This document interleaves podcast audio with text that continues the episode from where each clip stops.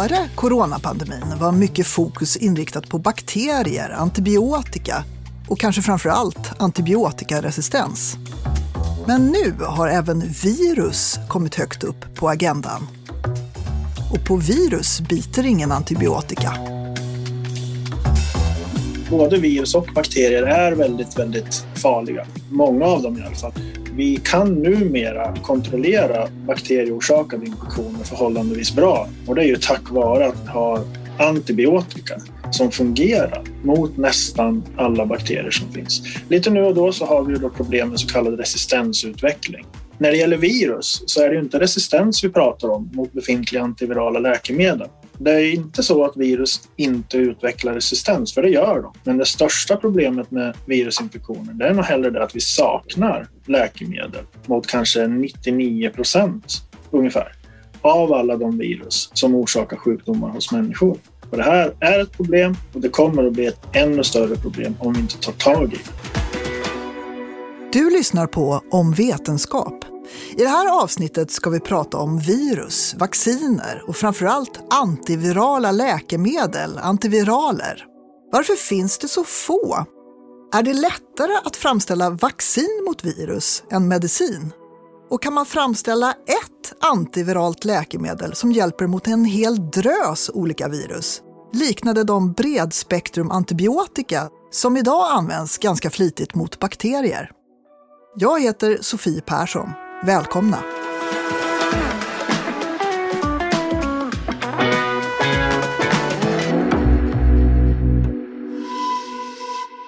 Ja, varför finns det så få läkemedel mot virus? Vad lätt det hade varit att bara ta några piller och så var vi friska igen från covid, influensa eller vad det nu är för infektion vi har åkt på. Men uppenbarligen så är det ju något med virus som gör att det är svårt att hitta den där magiska motsvarigheten till bakteriernas antibiotika. Är det så svårt att ta fram antivirala läkemedel? Jag ställer frågan till Niklas Arnberg, professor i virologi vid Umeå universitet. Ja, uppenbarligen är det ju det eftersom vi inte har så många antivirala läkemedel tillgängliga. Vi har mot några kroniska virus, HIV, några hepatitvirus, herpesvirus och så har vi något eller några mot influensa och nu snart också mot coronavirus. Men mot 99 procent av alla virus som orsakar sjukdomar hos människor så saknar vi antivirala läkemedel. Och det här har flera orsaker.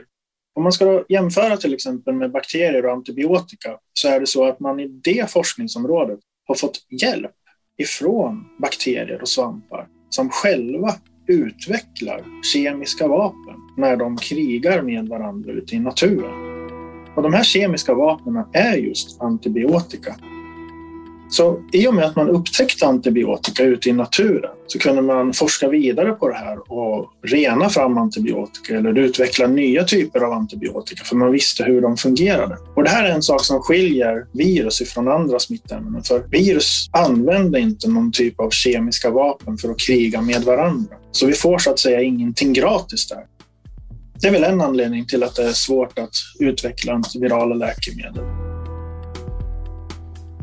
En annan anledning är att alla virus de tar sig in i våra celler. Och det är först där egentligen som de exponerar sig och visar sina svagheter som vi kan rikta in oss på eller skjuta mot med så kallade antivirala läkemedel. Och det innebär att man måste designa molekyler, substanser som tar sig in i våra celler utan att skada dem och som är specifika så att de bara så att säga då skjuter på virusets komponenter. Och det där är inte så lätt. Det är faktiskt svårt att utveckla sådana substanser, läkemedel som är effektiva och som samtidigt inte har några tuffa biverkningar. Så det där är en annan anledning till att vi har så få antivirala läkemedel förhållandevis. Men det är viktigt att hitta fler antivirala läkemedel för tyvärr orsakar de mer elände än vad man kanske tror. Ja, men precis. Vi brukar väl mest tänka kring virus som sånt som orsakar förkylningar eller luftvägsinfektioner och kanske magsjuka. Men det är faktiskt så att virus kan orsaka andra sjukdomar också. Så inte mindre än 13 procent av alla cancerfall runt om i hela världen orsakas faktiskt av virus. Och virus kan också öka risken för att man får hjärt och kärlsjukdomar, diabetes Och det kopplas också till utveckling av astma och till exempel förvärrandet av KOL hos de som har så kallad kronisk obstruktiv lungsjukdom. Så det finns mycket elände som olika virus kan orsaka och som vi egentligen då bara är i början av vår förståelse kring. Så vi har en hel del att jobba med när det gäller allt virus som orsakar elände hos oss människor. Ett virus är egentligen inte mycket mer än en liten bit arvsmassa som är insvept i ett proteinskal. En del virus har också ett litet fetthölje som omger det här proteinskalet. Men har ni hört det där med att virus inte lever? Det känns ju definitivt som om de lever när de kan ta sig in i våra celler och föröka sig. Man brukar definiera någonting som lever som något som klarar av att föröka sig självständigt utan hjälp från andra levande organismer. Och virus klarar inte av att föröka sig självständigt utan det måste ta sig in i en levande cell, i en organism eller i en värddjur oftast då, för att kunna föröka sig. Andra mikroorganismer kan föröka sig självständigt utanför andra värdorganismer. Men virus kan inte det. Så det är väl det som är skillnaden. Det handlar egentligen lite grann om hur man definierar liv och vad som är levande och inte. Det finns oändligt mycket virus runt omkring oss, både i haven och på land. Tillsammans har de den största biomassan av alla organismer, det vill säga virusorganismerna utgör den största vikten totalt sett av alla typer av organismer på den här planeten. Utifrån vilken arvsmassa de har delas de upp i 22 olika virusfamiljer. Bara för att nämna några så tillhör till exempel HIV retrovirusfamiljen. I picornavirusfamiljen ingår till exempel poliovirus, hepatit A-virus och enterovirus. I familjen Ortomyxo finns de flesta influensavirusen. Och så har vi familjen Corona, där det aktuella sars-corona-2-viruset ingår viruset vi får covid-19 av.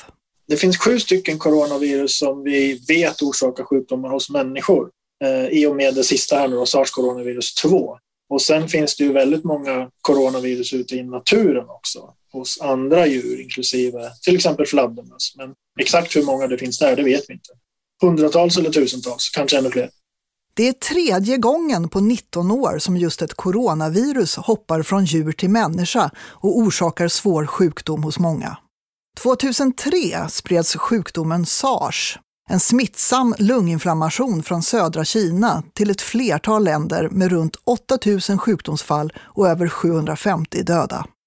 2012 var det dags igen, denna gången med Mers-Kov i Mellanöstern med drygt 2000 insjuknade och knappt 800 döda och så covid-19 2019, som ju finns överallt i världen med nära 500 miljoner bekräftade fall och cirka 6 miljoner döda.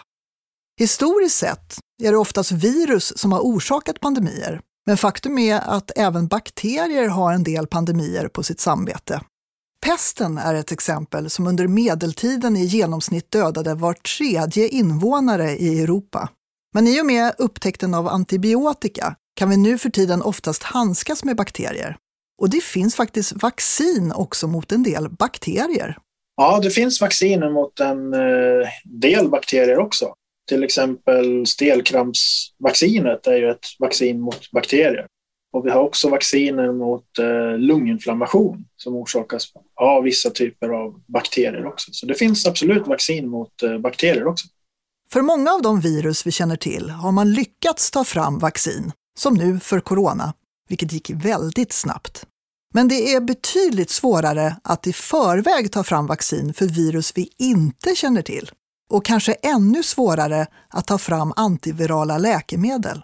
Om det är så att det dyker upp ett helt nytt virus som vi inte vet någonting om och eh, vi har varken vaccin eller antivirala läkemedel mot det här virusets kusiner så skulle jag nog säga att då är det nog lättare att utveckla vacciner mot det här nya okända viruset. Och det vet vi nu tack vare forskning som har gett oss nya tekniker och nya metoder för att utveckla effektiva vacciner. Det tar tyvärr längre tid att utveckla antivirala läkemedel skulle jag säga. Eh, det kan ju också vara så att man ibland har lite tur så att man testar en massa olika typer av befintliga läkemedel som kan fungera mot andra virus. Och då kan det ju faktiskt visa sig att något eller några av de här har effekt. Men till skillnad från situationen med bakterier så är det svårare att få fram någon typ av bredspektrumsläkemedel mot virus än vad som gäller för bakterier. När det gäller antibiotika så finns det en hel del typer som faktiskt har bredspektrumsfunktion och kan fungera mot skilda obesläktade bakterier.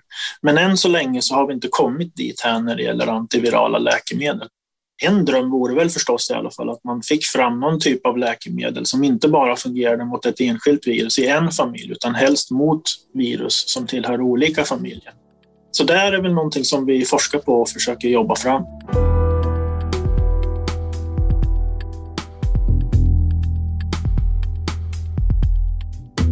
Jan Albert är professor i smittskydd och virologi vid Karolinska institutet. Han undersöker och använder informationen om virus arvsmassa. Framförallt för HIV och enterovirus som kan orsaka till exempel hjärnhinne eller hjärtmuskelinflammation. Och sen pandemin kom tittar han även på sars coronavirus 2. Det visar sig att virusfamiljerna är ganska olika, men de har också sina likheter. De är RNA-virus och RNA-virus är en stor grupp. Det finns många andra eh, virus i, i, som tillhör samma liksom, undergrupp. Eh, de förändras fort, mycket fortare än vad till exempel vår arvsmassa gör. Men även den andra gruppen, DNA-virus, förändras långsammare. HIV är extra bra på att gömma sig in i våra celler genom att den har ett speciellt enzym som konverterar virusets arvsmassa från RNA till DNA. Sen finns det också ett annat enzym som klistrar in det här virusets DNA in i vårt DNA. Det gör att immunförsvaret inte hittar de infekterade cellerna och kan döda dem på samma sätt som det gör för andra infekterade celler. Och det är en av anledningarna till att man ännu inte hittat något vaccin mot HIV. Dessutom är HIV extra mutationsbenäget jämfört med många andra virus vilket också krånglar till det. För till exempel nu sars coronavirus 2 så har vi ju ett vaccin på eh, extremt kort tid, ett år eh, ungefär tog det. Eh, och för HIV så har man då hållit på och kämpat med eh, försök att få fram ett bra vaccin i eh, decennier. Och den stora skillnaden är att HIV existerar i så otroligt många former eh, så att det här vi hör om med omikron och delta som skiljer sig. Det är en västanfläkt jämfört med alla varianter av HIV som finns. Det har varit, visat sig än så länge eh, omöjligt helt enkelt att göra ett HIV-vaccin som skyddar mot alla varianter. Och då, är det, eh, liksom inte, då räcker inte det. det. det. hjälper inte att göra ett vaccin mot, mot en HIV-variant, därför det finns miljontals andra. Men det finns antivirala läkemedel mot HIV. Men tack vare virusets mutationsbenägenhet kan resistens mot läkemedlet snabbt utvecklas. Därför ger man kombinationsbehandlingar med upp till tre typer av antiviraler samtidigt. För det är tyvärr så att precis som för bakterier som blir resistenta mot antibiotika så kan även virus bli resistenta mot antivirala läkemedel. Antibiotikaresistens och spridning av resistenta bakteriestammar är ett jätteproblem globalt och motsvarigheten finns när det gäller antivirala läkemedel. Men det finns vissa viktiga skillnader och det är att för bakterier så, så kan resistensen hoppa från en bakterieart till en annan. Eh, men det förekommer inte för virus. Och virusläkemedlen de är mycket mer, som vi var inne på tidigare, det är en nackdel att de inte är bredspektrum, men det är också en fördel eh, därför att får man resistens mot HIV-bromsmediciner till exempel, vilket kan förekomma, Eh, då påverkar det inte möjligheten att behandla hepatit C eller influensa. Det är helt olika eh, liksom, vägar till resistens. Det finns ingen korsresistens på det sättet. Ett första steg skulle kunna vara att ta fram antivirala läkemedel som åtminstone fungerar inom en hel virusgrupp. Att de antiviraler som nu håller på att tas fram i framtiden även kan fungera på andra coronavirus, så att vi kanske står bättre rustade nästa gång en pandemi bryter ut. Om den nu orsakas av corona. Och även om man under den pågående pandemin inte hade något färdigutvecklat läkemedel mot sars coronavirus 2 så slapp man i alla fall starta från ruta noll. Redan för 19 år sedan, då det första stora sars-utbrottet drabbade världen, lyckades man ta fram läkemedelssubstanser som man nu kunde jobba vidare med. Och idag finns det två typer av nödgodkända läkemedel mot corona, men de är dyra och anpassade till vissa riskgrupper. Dels är det eh, biologiska läkemedel eh, som är då antikroppar som liknar de vi själva gör eh, men som är framtagna och det kallas monoklonala antikroppar som binder till de här spikeproteinerna och gör att viruset inte kan infektera. Så det är den ena huvudgruppen av det som finns tillgängligt för coronavirus just nu. I liten skala kan man säga. Det, det, de är helt nya och det är svårt med att få liksom tillräcklig tillgång till det. Eh, och den andra huvudgruppen är sånt som griper in och hämmar virusets förökning på annat sätt, oftast riktat då just mot enzymer eh, som alla virus har i olika former. Den här andra gruppen som inte är monoklonal då, eller biologisk eh, brukar kallas eh, direktverkande antivirala läkemedel i, i vissa sammanhang i alla fall. Det är oftast mindre molekyler, mer liksom lika en massa andra vanliga läkemedel medan de här antikropparna är en egen klass läkemedel och eh, men som numera också finns till exempel eh, som viktiga komponenter när det gäller MS-behandling, eh, reumatoid artrit och sånt. Biologiska lä läkemedel är något som är väldigt eh, hett inom läkemedelsvärlden. Det är också viktigt att patienter får de antivirala läkemedlen tidigt i sjukdomsförloppet för att ha riktigt bra effekt då måste man in eh, jättetidigt eh, så att man verkligen hämmar den tidiga virusförökningen så att man inte eh, redan har fått de skador som leder till ja, allvarliga symptom. Och ju snabbare sjukdomsförlopp, som till exempel influensa, desto viktigare är det att komma in tidigt. Därför att kommer man in när sjukdomen redan liksom har pikat och virusförökningen är på väg ner, då, då gör det väldigt lite nytta. Till skillnad med kroniska virusinfektioner som HIV eller hepatit C och eh, andra eh, där eh, det inte gör så mycket om behandlingsstart förskjuts en dag eller en månad.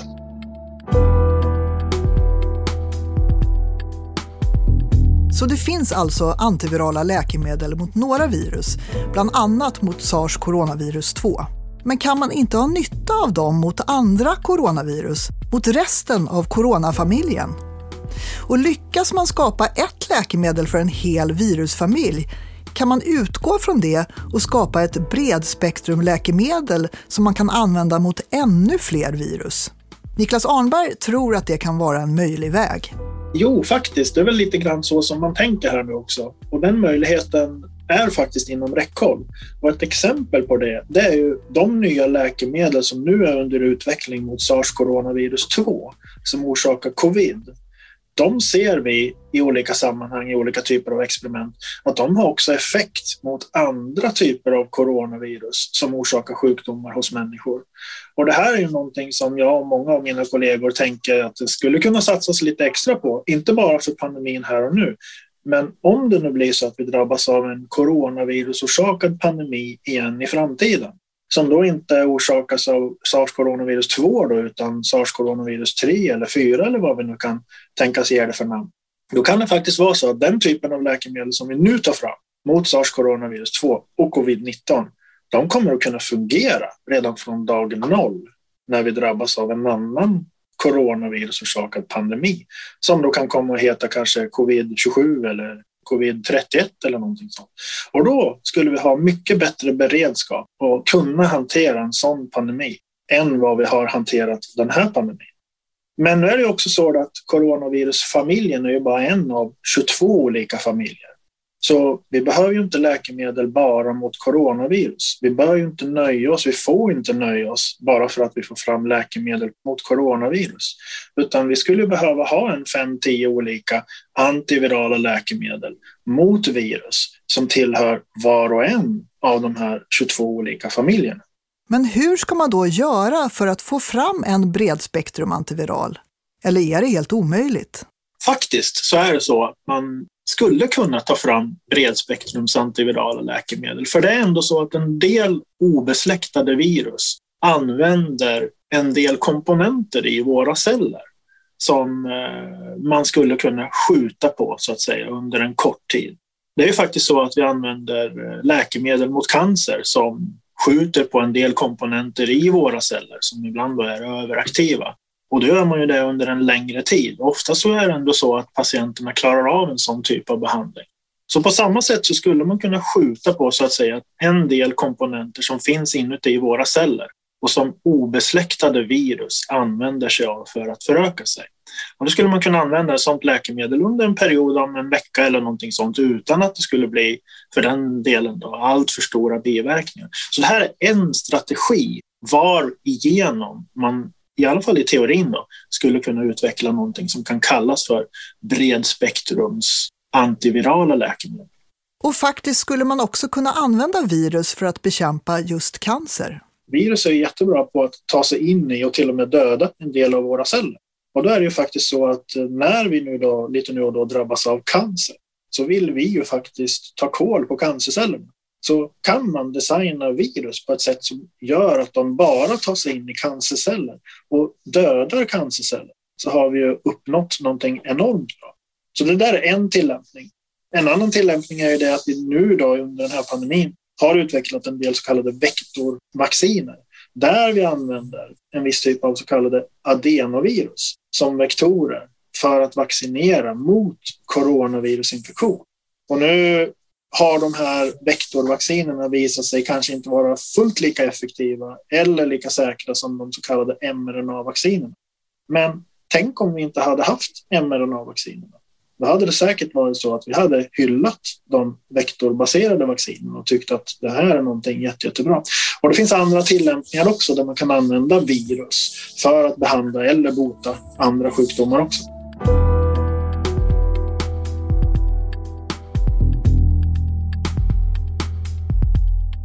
Forskningen går framåt och allt fler antivirala läkemedel dyker upp på marknaden. Och enligt Jan Albert är det bland annat ny teknik som snabbar på utvecklingen. Jag tror att det är en kombination av eh, saker som gör att det mesta går fortare nu för tiden än vad det gjorde tidigare. Det är mycket kring liksom att, att det finns större banker utav potentiella läkemedel, små molekyler som kan testas och det finns en, en mycket bättre kunskap om om man får eh, så att säga, napp som ser lovande ut. Hur tar man det vidare? Eh, det finns något som kallas rational drug design, alltså att, att man använder datateknologi för att försöka modellera hur skulle man kunna förändra det här läkemedlet, som, eller den här substansen som har lite effekt till någonting som har mer effekt. Och det handlar om datamodellering av hur proteiner eh, ser ut och eh, binder till varandra och eh, en massa andra grejer. Så att det, det finns många grundforskningsframsteg som hjälper till att eh, snabba på processer. Men det är fortfarande en jättelång väg från eh, någonting som ser lovande ut till någonting som finns ute för användning. Och det har mycket att göra med att det måste göras eh, kliniska prövningar, både vad gäller effekt och säkerhet. Och hur är det egentligen med den nya mRNA-tekniken som det har varit så mycket prat om? Tekniken som gjorde det möjligt att så snabbt ta fram ett vaccin mot corona. Skulle man kunna använda den för att ta fram helt andra vacciner och till och med för att ta fram antiviraler? I första hand för vaccin, i alla fall i den här formen som mRNA-tekniken kan användas. Och det tittas ju på nu jag har inte någon liksom, inside om hur långt man har kommit, men jag vet att man tittar på att använda den teknologin, till exempel för influensa där man har haft en mer ja, gammaldags eh, produktion av vaccin, eller för den delen för HIV. Men mRNA-teknologin i sig kommer inte runt det här med att det finns otroligt många former av HIV. Så det är inte lösning på alla problem när det gäller virusvaccin. Forskningen fortsätter och Niklas Arnberg tycker att det är bra att virus får allt mer uppmärksamhet. För det behövs många fler typer av antivirala läkemedel, både för individen och för samhällets skull. Ja, alltså, nej men under pandemin så är ju konsekvenserna för samhället uppenbara, eh, att vi saknar antivirala läkemedel. Men konsekvenserna har varit stora även innan pandemin. För även innan pandemin drog igång så har det nu och då hänt att stora sjukhus, Karolinska, Sahlgrenska, Jönköping med flera, har fått gå upp i stabsläge på grund av vanliga så kallade säsongsvirus, RS-virus, influensa, vinterkräksjuka, förkylningar som orsakar en jättebelastning på sjukvården. Så det är klart att antivirala läkemedel hade varit värdefulla även innan den här pandemin drog igång mot vanliga virus. Men Vad den här pandemin har inneburit för samhället är ju, konsekvenserna är ju enorma. Vi har skyfflat ut hundratals miljarder förmodligen för att täcka upp de kostnader som pandemin har orsakat. Och sjukvården har drabbats hårt, kulturen har drabbats hårt, idrotten har drabbats hårt, hotell, restaurang har drabbats hårt. Och jag är helt övertygad om att om vi hade haft tillräckligt med antivirala läkemedel mot corona så hade vi inte behövt införa så här tuffa restriktioner.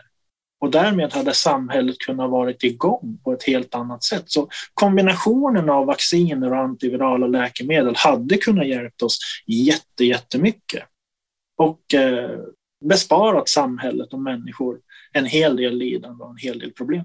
Jag är hyfsat optimistisk att, att man inte ska se det här som en engångshändelse, att vi fick en pandemi med ett virus och, eh, eh, och sen eh, glömma bort att det här hotet finns hela tiden. Vi kommer få nya pandemier och de nya pandemierna och, och kanske ännu mer utbrott som skulle kunna bli en pandemi. Och det kommer att vara virus nästan hela tiden. Eh, så att det behövs eh, bredare kunskap kring virus generellt sett, men inte minst då hur man kan hämma virusförökning med antivirala läkemedel.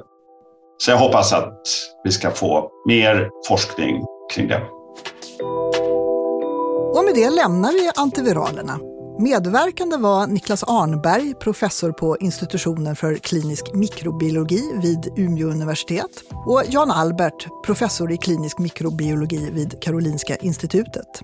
Och så säger jag hej till dig, Jonas Mattsson, chefredaktör för tidningen Forskning och framsteg. Hej! Vad har du med dig för nyheter idag? Jag tänkte vi skulle fortsätta inom medicinens område till en början i alla fall och prata om sömnapné. Där har man hittat ett nytt läkemedel som forskarna hoppas på. Att man slutar andas i sömnen? Eller? Ja, man får liksom flera korta andningsuppehåll medan man sover. Och det som är bra med det här läkemedlet som forskarna hoppas på nu, det är att det redan finns. En stor fördel. Verkligen. Och eh, det används mot epilepsi bland barn redan idag. Eh, men då har man testat det här på patienter som lider av sömnapné och det kan bli ett alternativ till dagens behandlingar med ansiktsmask som är ganska bökigt att ha på sig när man sover. Det gör ju ofta att eh, patienter inte använder den här andningsmasken. Genom att ta ett läkemedel istället så hoppas man på att eh, de ska få bättre behandling. Det låter ju som en mycket bra upptäckt. Ja, och sömnapné det är ju inte bara obehagligt, det leder ju till ökad risk för hjärt-kärlsjukdom. Och det är Göteborgs universitet, det är där forskare nu har hittat den här läkemedelskandidaten, som man då kallar ett läkemedel som man prövar för en, en ny behandling. Och det tycks ha god effekt utan allvarliga biverkningar, vilket också är bra. Det som är verksamt det här läkemedlet det är en substans som heter Sultiam. Mm -hmm. Sultiam har jag hittat på nätet att uttalas på engelska i alla fall. Ja. Och det tros kunna stabilisera andningen hos de här patienterna genom att hämma ett enzym som heter karbanhydras. Spännande. Mm. Har du något mer? Ja, eh, vi kan titta på det här med energilagring. Och då är det forskare vid Chalmers som i flera år har forskat kring hur man kan lagra energi i molekyler. Det här är ju high tech, men det är också det som fotosyntesen har gjort i alla tider. Det här är ju en dröm då att få effektiva sätt att göra det här. Det är inte tillräckligt effektivt för att tillämpa ännu.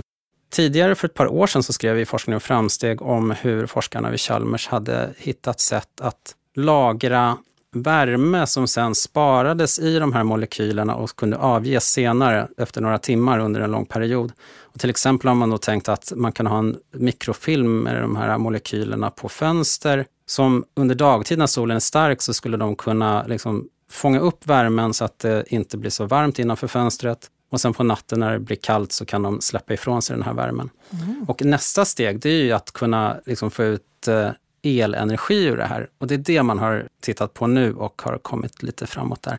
Det som sker med de här molekylerna, det är att eh, liksom när värmen kommer så omvandlas strukturen i molekylen. Det är samma molekyl, fast det blir en annan isomer av molekylen. Då. Och det som händer när energin avges senare, det är att eh, isomeren då tillbakabildas till den ursprungliga strukturen. Och nästa steg, det är liksom koppla på en elgenerator ovanpå det här. På molekylen? på molekylen.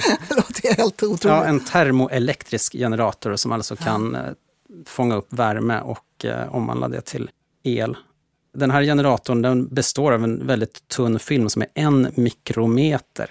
Det låter ju också väldigt spännande. Mm. Men sen hade du någonting eh, om eh, en gran. Ja, den här nyheten hade vi på fof.se häromdagen och jag var så glad för att jag kunde använda mina egna semesterbilder för att bildsätta den här. För att förra sommaren så var jag uppe i Fulufjällets eh, nationalpark i nordvästra Dalarna och eh, tittade på Old Chico som eh, sägs vara världens äldsta träd. Det är 9500 år gammalt. Och det är ungefär tio år sedan som forskare upptäckte det här. För att de var uppe och kollade, forskade kring trädgränsen och gjorde kol-14-analyser av gamla träd ovanför dagens trädgräns. Då hittade de bland annat där Old Chico som är en gran som är uppe på liksom fjällplatån. Jag vet inte om det är korrekt att säga fjällplatå, men det är i alla fall en bit ovanför trädgränsen. Mm. Och där är det då en ganska tanig liten gran som sticker mm. upp. Eh, det som är liksom 9500 år gammalt, det är ju rotsystemet under för att granar mm. kan föröka sig så från mm. rötterna. Tidigare så har man ju tänkt att granarna kom till Sverige för bara 2-3 tusen år sedan. Och när man hittade den här gamla Old Chick och en del andra äldre träd så började man ju undra. Och de tidigare forskningen, då har man tittat på pollen som man har hittat och analyserat. Men det man har gjort nu är att man har tagit något som kallas sediment-DNA där man kan hitta mycket fler rester av eh, gamla organiska material. Och då har man upptäckt att eh, granen kom till Sverige i södra Sverige för 14 000 år sedan. Och sen så gick den sakta uppåt eh, genom Sverige och Skandinavien allt eftersom inlandsisen från istiden då smälte. Mm. Och Old Chico räknas som att, då tänker man att det kanske var i slutet av den här perioden. Mm. Men det som hände sen var att eh, granen liksom avstannade och det kom en andra våg av gran för 2-3 tusen år sedan. Och det är de man har sett spår av tidigare, så det är därför Aha. man har trott att de kommit senare. Okej. Mm. Det som händer nu, att eh, den, här, den här växer ju ovanför trädgränsen, men när den eh, kom dit så hade landhöjningen inte kommit så högt, så att eh, då var den under trädgränsen. Men nu när det blir ett varmare klimat, då tror forskarna att eh, trädgränsen kommer stiga, mm. så att Old Chico kanske får nya kamrater. Men det man har sett då är att de här liksom omgivande granarna, precis där vid Fulufjället, de har väldigt annorlunda DNA jämfört med Old Chico. Så att det är också ett tecken på att de faktiskt kommer från olika omgångar av granutbredning. Det är den yngre generationen. Ja, precis. Ja, vad kul! Nu lärde man sig massa saker igen. Det och ett litet, ett litet restips till sommaren. Ja, precis, precis. Ja, dit får man åka. Tack så hemskt mycket Jonas Mattsson, chefredaktör för Forskning och framsteg. Tack för att jag fick komma. Om vetenskap är slut för den här gången. Jag heter Sofie Persson. Vi hörs snart igen. Om vetenskap produceras av Filt för den oberoende stiftelsen för strategisk forskning.